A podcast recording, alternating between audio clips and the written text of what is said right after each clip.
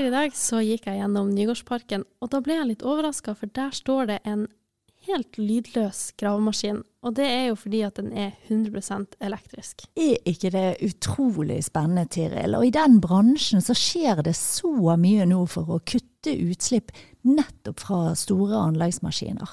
Og det er jo akkurat derfor vi har invitert med oss dagens gjest. Ja, og han er straks på veien her. Sigurd Boasson fra anleggsgartnerfirmaet Boasson AS. Og de har utrolig mange spennende grønne prosjekter på gang. Jeg har jo fått med meg at de driver og dyrker mat på tak.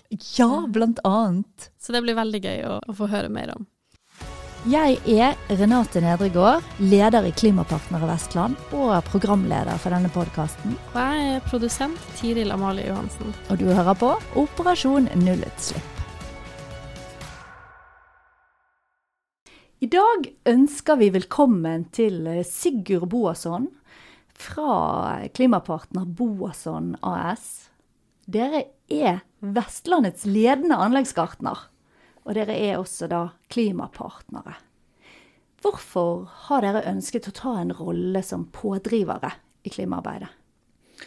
Nei, altså det, var, det, er ikke sånn at vi egentlig har tenkt at vi skal ta en sånn aktiv rolle og melde oss inn i Klimapartner. Eh, at vi har gått rundt med det, og så plutselig så meldte vi oss inn. Det var mer at vi eh, har tatt en rolle aktivt i klima- og miljøarbeid gjennom virksomheten vår gjennom mange år. Og så har jo jeg hatt et engasjement fra jeg var liten, eh, vil jeg si. I alle fall en tvillingsøster som var leder i Natur og Ungdom. Sånn at jeg ble jo innprentet med klima- og miljøarbeid fra veldig tidlig av. Selv om ikke mitt engasjement var størst den gang, eh, så vokste det seg frem. Og så var jeg er utdannet anleggsgartner og jobbet med planter og stein og den biten. Sånn at det økologiske aspektet har jeg jo hatt med meg fra jeg var både fra jeg var liten, sant, grønnsakshager og sånn hjemme, men, men liksom det å jobbe med natur. Men gjennom i hvert fall eh, min tid som student og sånn, så hang jeg jo med den gjengen der. Og jeg var også med på noen sånne aksjoner. Og liksom eh, Jeg husker jo at jeg var veldig opptatt av ting, men ikke kanskje sånn som de der radikale natur- og ungdomsfolka sant, som eh, elsket eh, å demonstrere og var litt sånn. Jeg var jo mest kanskje med på demonstrasjonene fordi jeg hadde kvalifikasjoner med å kjøre lift og traktor og sånn. sant? Så det var jo liksom min Dette greie. Dette må du fortelle om. Hva eh, Husker du hva slags eh, demonstrasjoner det hva handlet det om? Eh, først var det en demonstrasjon på eh, et av departementstakene. da. Det begynte med tak, eh, der jeg lærte de på Naturungdom å kjøre lift. Så vi hadde sånn opplegg på Bellona sitt uh, område da på Grünerløkka, der vi hadde sånn liftkurs med de som skulle kjøre. Og det var veldig gøy. sant? Og så hadde de en aksjon og var veldig vellykket. Og min søster sitter på taket, og presset var der, og det ble et veldig bra bilde. Og det, var, det er litt poenget da, når man skal gjøre demonstrasjon, så må det ha et bra bilde. Og så var det en sånn crazy idé om at vi skulle demonstrere på Stortinget, eh, der eh, det var gasskraftsaken. Dette var 2000 og, mm, 2001, tror jeg, hvis jeg ikke husker feil. Uh, og da var det sånn Vi jobbet langt og lenge. og De Natur og hadde jo selvfølgelig planlagt alt. Uh, og det, de hadde en sånn demonstrasjon på, for, på, på, forplassen da. Nei til gasskraft. Og så hadde vi på forhånd da, så hadde de gått rundt i mange av byggene rundt Stortinget og utgitt seg for å være fra ungdomsbladet Spirit, som skulle lage en reportasje om Stortinget. Tatt bilder, og det var masse koordinering. da, Så hadde vi to store liftbiler som kom inn på hver sin side av Stortinget. Koordinert akkurat på sekundet. Og så gikk vi opp på taket og ut, og så skulle vi sette ned banneret da det sto 'Nei til kraftkraftverk'. Og vi fikk ikke ut banneret vår, men ble arrestert på taket. Og da var vi veldig sånn trent på at når politiet kommer Altså vaktene på Stortinget de bryr oss ikke så mye om, men når politiet kommer, da gir vi oss med en gang. Og sånn. Og mine foreldre var veldig sånn eh, oppgitt, da. For jeg var på første siden av TV 2 der jeg ble puttet inn i eh, politibilen med sånn rød topplue. og det, det, husker jeg jeg syntes var, eh, var ikke nødvendig å være på nyhetene. Men saken ble veldig godt dekket, og man fikk frengt poenget sitt, at man ikke, altså Naturungdom, at ikke vi likte gasskraft. Og Bondevik-regjeringen gikk jo av på den saken. Så jeg følte liksom at det var kanskje høydepunktet da i min radikale ungdomstid som demonstrant. Så har jeg jo blitt streiting sant? og begynt å jobbe og ha ansvaret både for en bedrift og mange ansatte. Så jeg er jo sluttet med den slags. Men vi har tatt med oss engasjementet i hverdagen. Og så tenker jeg vi kan jo, Jeg er jo så heldig at jeg kan jo bestemme litt sjøl hva retning bedriften min vil ha. sant? Altså, Vi er jo partnereid, men jeg, men jeg er jo daglig leder, så jeg kan jo eh, Min jeg har påvirkning da på hva vi bryr oss om, hva vi ikke bryr oss om.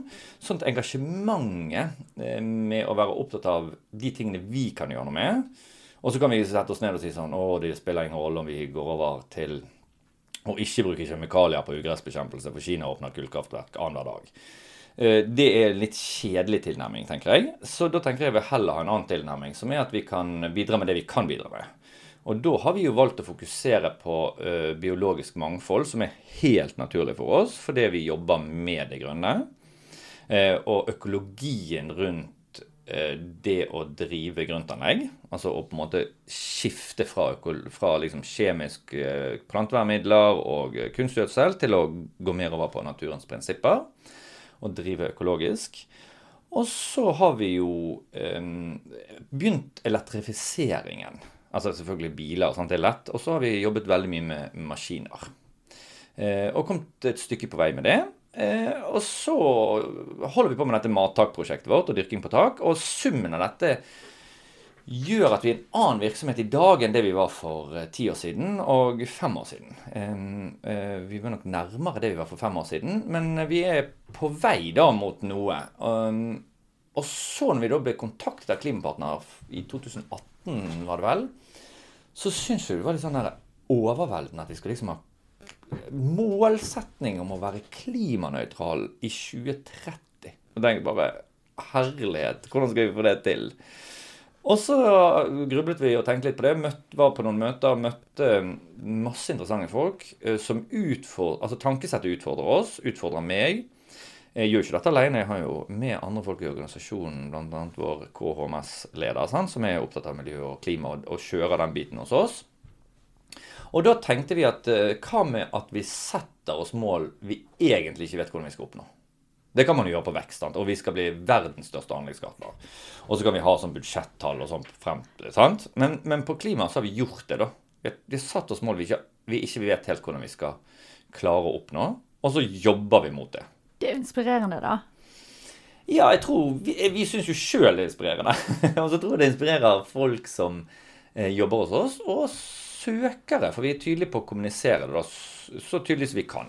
Men vi skal også drive virksomhet. Vi skal også legge brostein og grave grøftene og klippe plenen. Og vi skal gjøre alt dette samtidig, da. Så hva er målet til Boasson? Nei, Målet er at vi skal bli eh, på en måte klimanøytral i 2030 uten å kjøpe kvoter. Og så må vi finne ut akkurat hvordan, hvordan blir vi det, og hvordan skal vi regne dette hjem. sant? Altså, vi begynte med, med, med klimaregnskap og den biten der. Altså, men, men, men, eh, vi har ikke helt eh, funnet ut, men vi har tenkt at vi får ta de og så har jeg lært det at vi må ta de lavthengende fruktene først. Så vi må liksom begynne med de enkle ting. sant? Det å bytte ut hver eneste arbeidsbil med en elektrisk bil, det er greit. Det er litt dårlig stelt med pickuper om dagen, men da venter vi til pickupene kommer, og så bytter vi de, og så vi gjør den biten. Og så um, må vi også tenke liksom for, for det, jeg tenker at vi skal ikke bare se på CO2. eller sånn. Vi skal, hvis vi internaliserer FNs bærekraftsmål, som vi har gjort, så har vi plukket ut noen. Og biologisk mangfold er i hvert fall noe som ligger veldig nært oss. da. Og passer godt at vi jobber med. Og hva får dere og eventuelt oppdragsgiverne ut av å jobbe på den måten? Nei, altså Vi får jo igjen nye, kanskje mer sånn lønnsomme måter på sikt. da. Eh, og så er vi i utvikling. Og så tror jeg vi, noe av det vi nå snakker om nå, er litt sånn vanskelig angripelig for folk. Men også når vi på en måte da Vi, vi hadde et sånn forskningsprosjekt sammen med Snøhetta universitet i Bergen, der vi eh, gjorde et mulighetsstudie eh, og så på dyrking av mat på tak. Det var sånn forprosjekt. da. Og og det fikk vi penger til. Fikk 250 000 av Forskningsrådet. Vi måtte spytte inn 250 000 selv. Og så hadde vi en gruppe da som så på dette her. Og vi var, vi var, i Berlin og i Boston og sånn. Så hvor mye har vært dyrket rundt omkring på tak eh, før? Og når jeg var presenterte dette på Forskningsrådet, der vi konkurrerte med eh, store andre aktører, sant? og plast i havet og orkler og sånn, så sto jeg der og snakket om rødbeter på tak. Eh, og det ble sånn wow, altså, Hvem er han der? Hvorfor, hva er det med han, liksom? Eh, og vi fikk nå kan jeg si jeg ble litt lei meg da, men heldigvis ikke. Vi hadde jo selvfølgelig ambisjoner om å gjennomføre et svært prosjekt da, med budsjett på 30 millioner og sånn. Heldigvis fikk ikke vi de pengene, for da hadde vi jo endt opp med å forske. Det er jeg ganske sikker på at jeg ikke skal. Men eh, da bygget vi taket vårt i 2019. Og jeg tror det at vi gjør det, og det at vi beviser at vi kan dyrke mat på tak i Bergen, det tror jeg gjør at folk tenker shit, ja, det er mulig. Ja, men jeg tenker, Det er jo klart det er mulig. Altså bytteforhold én på tolv. Hvis noen sa til deg at du kunne, få, du kunne sette 1000 kroner i et eller annet, og så skulle garantere at du får 12 tilbake igjen. Da hadde du gjort det med en gang. Men sånn er det med potet. Sånn er det med potet. Beste avkastningen. Ja. ja. og så er poteten kanskje ikke det vi verdsetter høyest, men det er jo sånn. Og det er klart, jeg mener ikke at vi skal gjøre Nygårdsparken om til en potetåker. Men jeg mener at de nye grøntanleggene vi nå bygger, bør bestå av planter som eh, svarer ut noe av det vi har forventninger om. Altså, jeg er oppvokst i en tid der vi har vært veldig opptatt av at vi skal ha kirsebærtrær som blomstrer. For det er veldig like alle. Men vi vil helst ikke ha bær, for det blir så grisete. Du kan tenke deg, altså dette, jeg, jeg kan, Det kan jeg en del om, men tenk at det er jo ikke viktig. Vi skal jo ha kirsebærtrær som også har kirsebær nå. For hvor grisete er det egentlig med kirsebær? Altså, Da kan man gå og eh, forsyne seg med kirsebær i byparken. Men har du sett et kirsebær i trærne rundt byparken? Jo, de er jo fantastisk vakre når de blomstrer, Ja, men men jeg har jo aldri spist et kirsebær Nei, der. men Har du sett kirsebærene? Nei. Nei, det tror jeg ikke. Du kan gå til høsten og se om det er kirsebær der. Det er veldig mange kirsebærtrær som ikke har kirsebær, men bare blomsten. Og da tenker jeg, da har vi jo gjort, da har vi tok litt nok med naturen. Sånn at jeg har lyst til at vi nå skal bygge litt eh, Vi lærte dette litt under Vi lærer jo litt med de vi jobber sammen. sant? Vi jobbet med, eh, på, med Statsbygg på Kunsthøgskolen. Og der var det snøhetter, De var langt fremme i skoene. En het Frode Degvold, landskapsarkitekt. Han var veldig opptatt av at vi skulle ha naturplanter. Og hva betyr det? Jo, altså er det planter som ligner på natur, eller er det faktisk stedegne planter? Og han tenkte det var det, da. Og der har vi plantet masse bjørnebær. Og det er jo ingen som går ut i det der sånn to svære nedsenkede bed, som også fungerer som regnbed, holder tilbake vannet, hindrer oversvømmelse. Men der er det masse bjørnebær. Så i september så er det bare å gå og plukke bjørnebær på Kunsthøgskolen. Masse. Og man må bare gå og lete etter dem. Og de er jo helt fine og flotte. Det er jo fantastisk. Veldig gøy. Jeg skal ta og så eh, bare gå to steg tilbake igjen. Eh, for nå snakker vi om mattak. Eh, og du fortalte litt om hvordan dette begynte. Men jeg tror nok at eh, det er mange som har fått med seg at eh, Boasson har et prosjekt som heter Mattak. Kan ikke du fortelle hva det konseptet går ut på? Det konseptet går jo eh, Vi etablerte firma Det kom jo fra det forskningsprosjektet jeg snakket om. Så lagde vi det taket. Og så etablerte vi firmaet her i, i desember eh, 2020 og har drevet det nå i halvannet år. Og det går rett og slett ut på at vi eh, bygger grønne spiselige tak. Så uh, har vi fått med oss Kristoffer Håtuft som partner da når vi etablerte dette firmaet. Og det er fordi at uh, han En ting er at han er kokk uh, og har er brennende engasjement for sitt eget fag og er flink og driver restauranter og sånn, men han har også et veldig sånn vidstrakt syn på bærekraft. Og så tilfører han oss noe annet. I hvert fall meg, da, enn det jeg på en måte kan i min boble. Og dermed så har vi kommet oss et stepp videre. Men det er egentlig så er det bare at vi bygger grønne tak som eh, har matproduksjon. Og nå er vi akkurat ferdig å bygge to tak. Ett på Buen for Bar Eiendom på Kronstad, eh, som et nytt bygg. Eh, og ett i Fyllingsdalen for Malling og Co., som har forvaltningsansvar for Nordea Liv sin gamle bygård der, på FB38 heter den. Der har vi transformert en grå, kjedelig betongflate til eh, bær- og frukthage og dyrkehage. Så dette er altså grønnsakshager på taket til industrieiendommer, er det Ja. konseptet? Ja, eller borettslag. Eh, eller de som har tak og har lyst til å dyrke. Så det vi har gjort nå, er at vi har akkurat satt poteter og gjort alt dette. Og så har vi fått med oss kokkene på Søtt og Salt, som skal drive dette. Så nå har vi en sånn dyrkekurs. Sånn skal du plante planten, sånn skal vi så. Og så, og så skal de høste og drive dette, og så skal de ta det med seg rett inn i kantinen og servere det. Og så er det ikke så stort at vi er selvforsynt eh, på taket, men det er et bidrag. Og så tror jeg oppdragsgiverne våre ser at dette er veldig sånn synlig bærekraft. For her er det økologisk eh, dyrkete grønnsaker fra en jord som er ombrukt. Altså Det er liksom bare hele konseptet. da, så det, det, det kan på mange måter eh, kanalisere mye av det man har lyst til å vise. da. Eh, og så opplever jeg at folk blir veldig entusiastiske når de kan ta opp disse tolv potetene da, fra én potet. Altså det, det Jeg syns er like gøy hver gang. altså Bitte lite frø blir noe mat. sant? Så, eh, så det er egentlig, Og så bruker vi alt det vi kan fra anleggsgartnerbransjen vår, både i forhold til logistikk og bygging og vekt. og sånt, så vi, vi bruker jo liksom hele organisasjonen vår på å få dette frem. Um, og Derfor tror jeg også vi slår an, da, fordi vi har bygget Bergens gater og byrom i 42 år nå. Um, og det er klart at På taket skal ikke vi ha store gravemaskiner eller lastebiler, men vi, vi, skal liksom ha med oss kunnskapen om å bygge, og det skal være solid og um, stå der, da. Og noe av det vi har lært oss med dette, er selvfølgelig alt det med dyrking, men det er også tankesettet med at det vi nå bygger, skal kunne rebygges. Høres helt utrolig banalt ut. Men når vi begynte med dette i 2019, så var det, ikke, så var det for oss på en måte uh, Må vi i hvert fall tenke oss om to ganger og tenke sånn Ok, hvis vi skal ha noe sirkulærøkonomi inn i dette som ikke bare er sirkulært med vann som skal gjenbrukes og sånn, så, så, kan det bety at vi skal kunne rebygge det da, kanskje. Så alt vi gjør nå, har vi modellert sånn at vi kan bare rett og slett enkelt demontere det uten å ødelegge det, og ta det med oss og bygge det om igjen et annet sted. Men det er jo en eh, veldig trend, dette med urbandyrking. Og både for eh, virksomheter og privatpersoner. Men har, nå har vi med oss eh, produsenten her, Tiril Amalie Johansen bak spakene. Og jeg ser at du sitter og tripper og lurer på noe med dette her med urbandyrking. Ja, for jeg syns det er kjempespennende å se at det kan dyrkes grønnsaker på, på takene eh, på bygg midt i byen. Men så vet du jo at det er jo et problem med lokal forurensning, og det er jo kjempemange bygg som ligger rett ved svære motorveier. Og så tenker jeg litt sånn eh, Går det an å Altså, er det trygt å spise grønnsaker som dyrkes i sånne omgivelser? Ja, eh, det er det jo. Altså, Vi skal jo børste vekk støvet, og så er det svevestøv, og svevestøv er det mest på vinteren og sånn. Eh, men hvis, tenk, hvis, du tenker deg om, så når du er ute og kjører bil, eh, særlig på Østlandet, så kjører du forbi enormt mange åkre. Sånn at vi har på en måte mat og trafikk veldig blandet veldig mange steder. Men det er en følelsesmessig Dette her med å ha liksom matproduksjon helt inn i trafikken men det har ikke noe å si for grønnsaken. Altså, Den tar ikke til seg eh, verken svevestøv eller eh, altså, Det skal mye til for at den tar til seg forurenset fra jord, da, og det skal mye til for at jorden blir forurenset. og så har du hele den.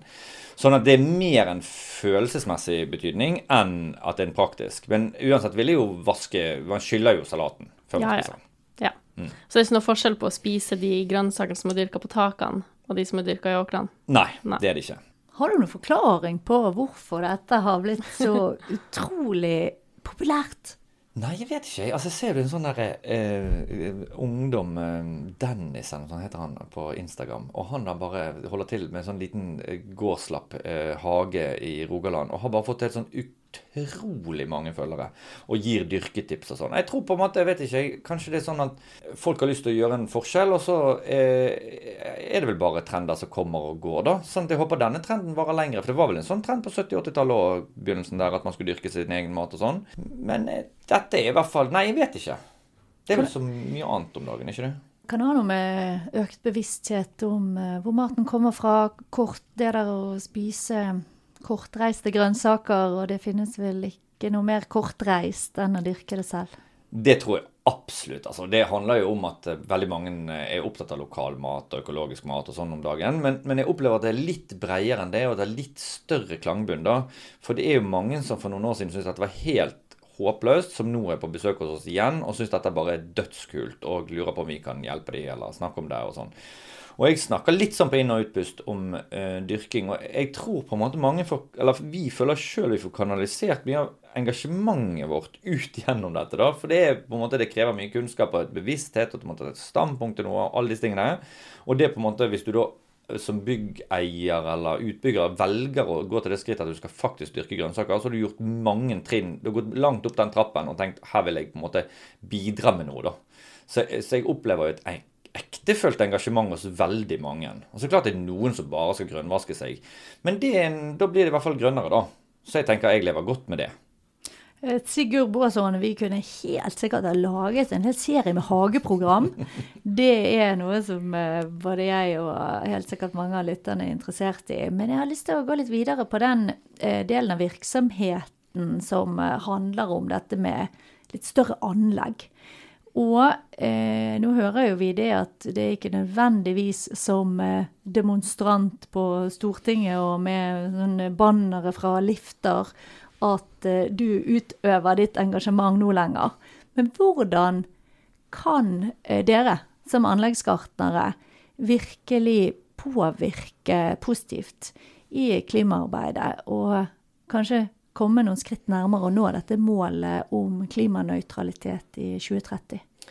Nei, jeg tror det er mange som kan eh, påvirke. Jeg tror ikke dette handler bare om at vi er anleggsgartnere, men jeg tror veldig mange bedriftseiere og ledere eh, har jo egne verdier med seg. sant? At Vi er jo opptatt av at de har verdier i bedriften og sånn. Og så må vi bare internalisere det godt, og så må vi gjøre det vi tenker. Og en beslutning for oss ikke sånn at vi må liksom utrede det veldig. sant? Og når vi tenkte at vi skal bli gode på elektriske anleggsmaskiner, så tenkte vi ja, hvordan skal vi det? Da har vi lyst og Jeg er glad du spør om dette, for det, det her virksomheten vår er. Det er på anleggsgartnerbiten. Så tuller vi litt med mattakene, sant? og det kommer til å komme, men det her vil liksom kjernen vår, og det, og det er dette som er motoren, og dette vi driver med. Men tilbake til de anleggsmaskinene. Vi da bestemte oss for at vi skulle gå den veien, så tenkte vi Ok, hva, Hvordan skal vi gjøre dette bærekraftig? Så Vi har lest om de forskjellige typer maskiner, de dyre, og de er ombygget. Så tenkte vi at vi er jo egentlig har lyst til å tenke at vi ikke skal ha en ombygget maskin, men en som er født elektrisk. Eh, for vi syns kanskje i hvert fall de første elektriske maskinene som kom på batteri, der var jo, de kom som dieselmotorer fra Korea til Norge. Ble tatt ut dieselmotoren, så ble det bygget om. Og, og, noen må begynne, noen må gå først. Uh, men så tenker vi, hva med også på en måte utfordre leverandørleddet til det, da? Så vi samarbeidet veldig tett med vår store leverandør som heter Liber, og fikk tak i liksom at de har en industrimaskin som er vant til å stå på avfallsbransjen. sant? Og den er laget med kabel. Litt for stor egentlig for det vi kunne tenke oss. da. Så en stikkontakt, rett og slett? Stikkontakt. Så han er født sånn og har ikke hatt noe annet enn en elektrisk motor. Og har en stikkontakt, en ledning på 40 meter. Så jobbet vi lenge med det. Det tok et helt år før vi fikk liksom den eh, transformert over fra dette understellet til et graveunderstell og til ny gravearm og alle disse tingene her. Sånn at når vi fikk den, så var på en måte Og den er den største gravemaskinen som finnes eh, på 28 tonn, med, som går 100% på strøm. Og når vi kom, presenterer dette til Bergen kommune, så blir det sånn Jøss, ja, men kan dere det? Og neimen det, og sånt. Og de tenker ja, men det syns de er veldig kult, og fikk litt klangbunn eh, i For det var Bergen kommune oppdragsgiver? Ja. Og så tenkte jeg det passer godt å ha det på det. Så snakket vi med Bymiljøetatens leder på dette, og han syntes det var en kul ting eh, hvis vi ville prøve det. Så var han, de var villige til å la oss få prøve på sitt anlegg. Og det er klart at det er innkjøpsreglementer og sånn, så han kan ikke bare plutselig gi oss et par hundre tusen ekstra for dette. Det skjønner vi godt. Eh, men eh, så kom, og når vi da sier det, så kom vi i kontakt med BKK, som nå byttet navn til Eveny. Og de syntes jo det er dødskult at vi bare har gjort det. Så fikk vi masse goodwill der, og fikk litt hjelp. Og så kommer maskinen, ruller av lastebilen på strøm, og han har vært på strøm siden. Du må fortelle hvor dette er. Det er Nygårdsparken. Ja. vi har et stort anlegg i Nygårdsparken der vi fornyer og ruster opp og renoverer Nygårdsparken. Og da hadde vi laget det sånn at det var heldigvis en transformator der, for vi må ha nok strøm til den maskinen. Ganske stor. Trekker jo piker på 180 ampere, hvis det sier folk noe. Betyr at en tjukk kabel. Vi hadde nok strøm. Og Eveny hadde da hjulpet oss frem med dette her, og vi hadde fått Kramer med. og altså Alle syntes dette var så gøy. Og så når vi kommer, så virker det. Og den har gått der frem til nå i april. Og nå har vi kjørt den da etter påske til et nytt anlegg som jobber for Veidekke, som jobber for bybaneutbygging. Det er nede i Fløen. Og da har vi sagt at vi kommer gjerne med vår elektriske maskin. Her er stikkontakten. Dere må stå for strømmen. Og så har vi hjulpet, som vi har sagt, hva vi trenger, og programmert og holdt på.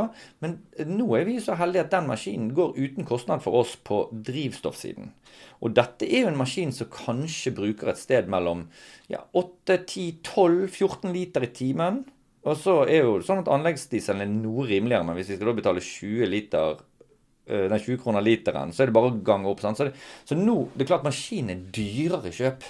Men jeg tenker at vi har i hvert fall vist at dette er mulig. Og så syns jeg jo at det er kult. Og den maskinen har noen han har ingen utfordringer, for han går som en klokke og holder på. Men han er litt lavere. da, Det blir veldig teknisk, sant? men når vi skal gå ut i stein, så er han litt lavere undervogn. da, Så er det litt kortere ned til bakken, da, for det er en trommel og strømskap og sånn. Så når vi har bestilt en ny maskin, som vi har bestilt, som kommer eh, Den blitt utsatt, fordi alt blir utsatt om dagen. Og det lever vi med, men den, den har vi bygget enda litt røffere. Da, så den tenker jeg, det, det, den finnes det ingen like av. Og der har vi fått nesten 1 million i støtte. Men maskinen koster oss, når han kommer etter støtten fra Enova, og kommer på plassen, så har han kostet oss 50% mer enn en annen maskin. Men bare 50% Så det krever litt investeringer? Ja, det krever. Men jeg tror på dette. Og så tror jeg at vi kan ikke, hvis jeg skal ta det som um, politikerne og det som på en måte byråkraten vår sier da, på alvor, at først i 1.1.2025 så skal eh, de kommunalt drevne bygge- og anleggsplassene i Bergen drives nullutslipp. Og Det betyr at da kan ikke vi bruke biodiesel. Da må vi bruke hydrogen eller strøm. Dette er ikke lenge til. Nei, så jeg tenker 1.1.2025. Dere må i hvert fall begynne før desember eh, 2024. Og så tenker jeg vi skal være ganske gode på dette når vi kommer dit hen. Så vi må bare begynne å øve oss. Og eh, det har vi gjort. Og eh, det er ikke bare oss. Vi, vi drar jo rundt. sant? Jeg har vært i, på Østlandet flere ganger nå til noen andre gode kollegaer. Jeg jobbet der borte før. Som deler Litt skeptisk til å begynne med. tenker, Skal vi dele alt av han der raringen fra Bergen? Så jeg har vært veldig sånn tydelig på at jeg kommer til å dele masse tilbake igjen. Og jeg tror dere kommer til å oppleve det som kult å dele. Og jeg skal ikke starte opp her. Dere kan dele fritt. Og de er blitt veldig delsomme. Og, uh, og bare gjennom det at de deler, så blir de mer bevisst på sine egne valg. Og de er dødsrå. De ligger langt foran. Oslo kommune ligger mye lenger enn Bergen kommune. Og det er naturlig, sant, hovedstaden og alt kommer derfra. Men, men jeg opplever jo veldig stor vilje til dette. Og så er det så gøy at det er noen som popper opp. Plutselig sånn, Vi har en stor øh, bedrift som kjører for oss. Vi har ingen biler sjøl. Vi, vi har noen mindre lastebiler, men ingen av de store, tunge. De har vi solgt ut. Og så har jeg pushet og pushet på at de må få seg elektrisk bil. sant? Og så er det mange grunner for det er dyre investeringer, og bilen går ikke så langt. Og det er mer enn å kjøpe en vanlig elbil som på privaten. Og så plutselig så popper det opp en, en bedrift, da. Bjørnar Transport. Og han har kjøpt fire. Kjøpt fire elektriske lastebiler og har egentlig bare arbeidet to. Så har vi hatt et møte med han og sagt sånn Det er dødskult. Skulle vi litt samarbeidet litt? Og så får vi Det koster jo mer per time for oss. Lastebilen går litt mindre. Han tar litt mindre last. Han, altså det er dyrere. Så det koster noen hundrelapper mer i timen. Og så tar vi det med til kommunen på to prosjekter da, og sier sånn Dere ville ikke vært med, og så på en måte tenkt det hadde vært kult at vi kunne gjort en test. sant? Og så er det ikke sånn det, koster, det er ikke sånn vi kommer med regning på 300 000. Det er sånn 30 000 her, 50 000 der. Og så plutselig så holder vi han litt i arbeid, da. Og så får vi masse levert eh, nullutslipp. Og da er vi i gang på å øve oss og øve han og øve byggherren, og så, og så er vi kommet et skritt videre. Så det du sier er at når du er ute på anleggsplassen, så er denne overgangen til utslippsfrie anleggsplasser og eh, elektriske lastebiler fra underleverandørene, den overgangen er allerede godt i gang. Ja, den er godt i gang. Og så er det klart at jeg blir sånn dødsentusiastisk. sant? Jeg er på en anleggsplass. Svær anleggsplass. Vi skal mure masse mur, og det er svære biler som går ut og inn. sant? Og så kommer den elektriske lastebilen, og da sier jeg til de andre som kjører der, nei, nå må dere stoppe, for nå skal vi høre at ikke det er støy. Og da, da ser jeg at de, de lastebilsjåførene som kjører disse de store dieselbilene, de smiler litt av meg, og de ler litt. Men så ser jeg òg at de syns det er litt kult. De syns det er litt kult at på en måte Shit, dette er fremtiden. Og det tenker jeg de må bare ta inn over seg at dette er fremtiden. Eh, og det har vi gjort, da. Eh, nå hører vi jo om ganske mange områder hvor dere i Boasson som anleggsgartnere, og også gjennom dette mattakprosjektet, kan være med på å virke. Men eh, du startet med å si at dere har satt dere et hårete mål om å bli reelt eh, klimanøytral innen 2030. Følger dere med på eh, kartleggingen av utslippene fra år til år? Er dette noen tiltak dere ser resultater av? Ja, det er mm, eh, et vanskelig spørsmål. sant? Jeg visste du kom til å bore på det der greiene der, og skulle sikkert satt meg enda mer inn i det. Ja, altså, vi, øh, vi har i hvert fall begynt med å bli bedre på å registrere. For jeg tror det er i hvert fall sånn som jeg tenker, så må vi begynne med det. Vi må prøve- først få, øh, først få oversikt over hva det er vi bidrar med. Ja. Det må vi bli gode på. Og, kan, og der syns jo også Klimapartner sin tilnærming er ganske bra. Sant? At vi, dere må bare øve, dere må begynne, så bygger vi på, og så bygger vi på. Så det er klart at det, det føler jeg vi begynner, og vi skal jobbe enda mer med det i år. Eh, og vi har jo også gjennom denne prosessen blitt ISO-sertifisert på det selvfølgelig kvalitetsstandarden, men også nå miljøstandarden. sånn at vi, det kommer inn fra flere sider at vi skal jobbe med det, og setter av ressurser til det og sånn. Men ja, jeg tror det også Jeg tror vi er på rett vei der. Men det er klart at vi må som jeg sier, først få oversikt. Og så kan vi begynne å tenke ja, hva er det vi gjør som er positivt her, da? Hvis vi planter masse trær, hvem er det som skal få CO2-reduksjonsgevinsten for det? Er det vi, eller er det kommunen, eller oppdragsgiver? Hvem er det? Når vi blander inn biokull Vi an, øh, samarbeider med noen som heter Norsk karbonlagring, som nå kommer med litt biokull til oss, der eh, folk har kjøpt klimakvoter i biokull. Så når vi blander den inn i jorden, så får vi halvparten av pengene tilbake igjen. det er klart en ganske dyr og kostbar måte å binde CO2 på. Men det er kanskje mer sånn håndfast enn en klimakvote man ikke vet noen ting om. Som er bare om at et eller annet papir langt uti der. Men eh, nei, jeg, dette lurer jeg, jeg lurer veldig på disse Mm. trærne. Vi bidrar ganske mye med jord og planter. Så hvis vi kan regne hjem hvert eneste tre, da, i positiv forstand, kan vi det, liksom? Hvem er det som, hvem er det som eier det? Hvor tenker du at uh, anleggsgartner Boasson kan ha størst påvirkningskraft? Jeg tenker vi kan uh, ha størst på jeg tror, jeg tror nå at vi har stor påvirkningskraft fordi at vi tør å vise oss litt frem. Og så litt sånn sikkert, Det er kanskje ikke så utypisk bergensk, men i hvert fall litt sånn jeg får litt sånn mobba, Noen av kollegaene våre mobber oss litt. liksom sånn, Må du sikkert sende pressemelding hver gang liksom du, du kjøper et nytt dekk? Nei, jeg må ikke det. Men jeg synes det i hvert fall, eh, jeg oppfatter at folk, mange syns det er gøy da, at vi sier litt høyt hva vi driver med. Så akkurat nå tror jeg at vi påvirker mest med å fortelle folk om de tingene vi gjør. Og vi tør å dele. Opplever du at eh, dere kan være en veiviser og en inspirasjon for hele bransjen? Ja, det, så beskjeden skal jeg være. altså, Det tror jeg. Eh, Jeg tror eh, det Og så er det klart at alltid når man stikker hodet frem og holder på, sånn, så er det noen som tenker ha-ha-ha, hva er det de holder på med? Og han er fjompenissen der. Er han blitt en bonde? Ja, kanskje vi er litt blitt det, men kanskje vi er litt eh, tør i hvert fall å gjøre ting, da. Og så tror jeg noen av de grepene vi har gjort, har vi ikke tjent penger på. Altså masse. Her vi, jeg kunne sikkert brukt tiden min annerledes og tjent mer penger. Men så har vi bestemt oss for at så mye er bra, da, og så får vi prøve på det. Men jeg tror nok jeg tror mange blir veldig inspirert av det. Og jeg kjenner jo sjøl jeg blir inspirert. Når jeg treffer andre, er med Klimapartner, snakker med folk eller finner noen som har gjort noe dødsgøy, så blir jeg inspirert. Men jeg lar meg jo inspirere. Og det tenker jeg er jo viktig. sant? Vi må jo la oss inspirere. Vi kan ikke bare, det er ikke sånn, Du må liksom åpne litt opp for å bli inspirert. Jeg blir jo da litt spent på, Sigurd. Nå skal jeg gi deg en sånn eh, utfordring. Hvordan ser du for deg fremtidens drømmeby? Ja, det der har jeg lurt på. For er, og jeg har tenkt at jeg burde jeg dra litt mer rundt i verden og se Jeg føler liksom jeg har vært eh, rundt omkring og sett eh, andre ting. Men, men det er så lett at vi tenker sånn Ja, vi har det sånn som i New York. Der det Ja, vil vi? Nei, jeg vet ikke helt. Jo, kanskje det Nei. Jeg tenker at eh, fremtidens by Jeg tror vi er på vei dit, jeg. Altså, jeg tror vi er på vei dit, og så skal vi ha med oss folk, og så skal vi tenke sånn Ja, ja. Jeg, Kanskje, kanskje det er sånn om fem-ti år at man bare har én bil per uh, husstand. Og kanskje om 20 år så har man ikke det. Da har man bare del. Men det er ikke så viktig. Men jeg tenker man i hvert fall programmere det sakte og fort nok. Og så må vi tørre å tenke langt nok frem. Og så må vi tenke at folk skal ville bo her. Og, og hvis vi begynner å stille oss det spørsmålet, så kan man jo bare tenke sånn Hva er det som skal til for at jeg skal ville bo et sted? Og så syns det er interessant med de der nye boformene nå med sånn at vi skal bo i sånn felles eh, hus nærmest, da, men ha vårt eget lille og skal dele på en del ting. Altså det, er det er jo ikke mer komplisert enn det vi gjorde alle når vi var studenter og bodde i kollektiv. Sant? Altså det, jeg syns jeg hadde veldig godt liv, da. Når jeg bodde i kollektiv på Østlandet. Sånn jeg tror eh, vei, byen kanskje på vei mot det, men eh, jeg er helt overbevist om at fremtidsbyen kommer til å være mer grønn, og vi kommer til å, flere kommer til å like å dyrke det. Enten i sin egen hage eller felleshage eller sånn. Og så tror jeg um, jeg tror egentlig ikke kanskje det kommer, kommer, det være, det kommer ikke være til så mye forskjell. Vi kommer liksom ikke til å ha sånn flygende biler, og jeg tror ikke, jeg tror ikke vi er der. eller? Men det er en by som er bra både for innbyggerne og for naturen og for klimaet. Ja. Kan vi få det til? Ja, det tror jeg.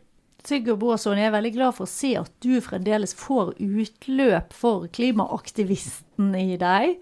Om det nå enn er i litt andre former. Jeg tror ikke du står i fare for å bli arrestert eh, for sivil ulydighet eh, med det første. Men eh, for å dra dette litt i land, hva er ditt beste råd til oss som sitter og hører på, enten vi er privatpersoner eller bedriftsledere, for å bidra til å skape en grønn by?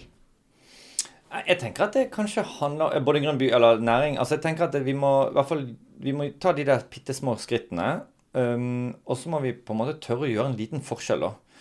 Og så trenger vi ikke være så lavmælt når vi har funnet på noe som vi syns er kult, og vi får tilbakemeldinger for at andre liker det. Da så tenker jeg, da er det i hvert fall ikke noen grunn til å være lavmælt. Da må vi fortelle det. Sånn at vi kan inspirere Ja, jeg tenker hverandre. det. Og så får det være opp til andre da, om, å korrigere en. Hvis man, det, jeg mener ikke at man skal bli sånn breikjeftet hele gjengen. Altså. Men når man har gjort noe som er kult, så bør man på en måte fortelle det og inspirere andre. Og så tenker jeg vi skal vi, ta et skritt av gangen. Da. Det er det, i hvert fall det vi prøver. Og så har vi noen mål. Og det er jeg veldig glad vi har fått oss noen sånn hårete mål som jeg ikke helt eh, så jeg blir litt usikker på. da. For da vet jeg i hvert fall at eh, vi er på vei i en retning. Det må være en veldig fin eh, oppfordring til dere som hører på. Sigurd Boasson eh, fra eh, Anleggsgartner Boasson. Tusen takk for at du var med i podkasten Operasjon nullutslipp. Takk. Har du spørsmål eller kommentarer til podkasten Operasjon nullutslipp? Du finner oss på Instagram. Vi blir veldig glad for eh, innspill og ris og ros. Jeg er Renate Nedregård, leder i Klimapartner Vestland. Og jeg er produsent for podkasten, Tiril Amalie Johansen. Bli med oss videre på Operasjon nullutslipp.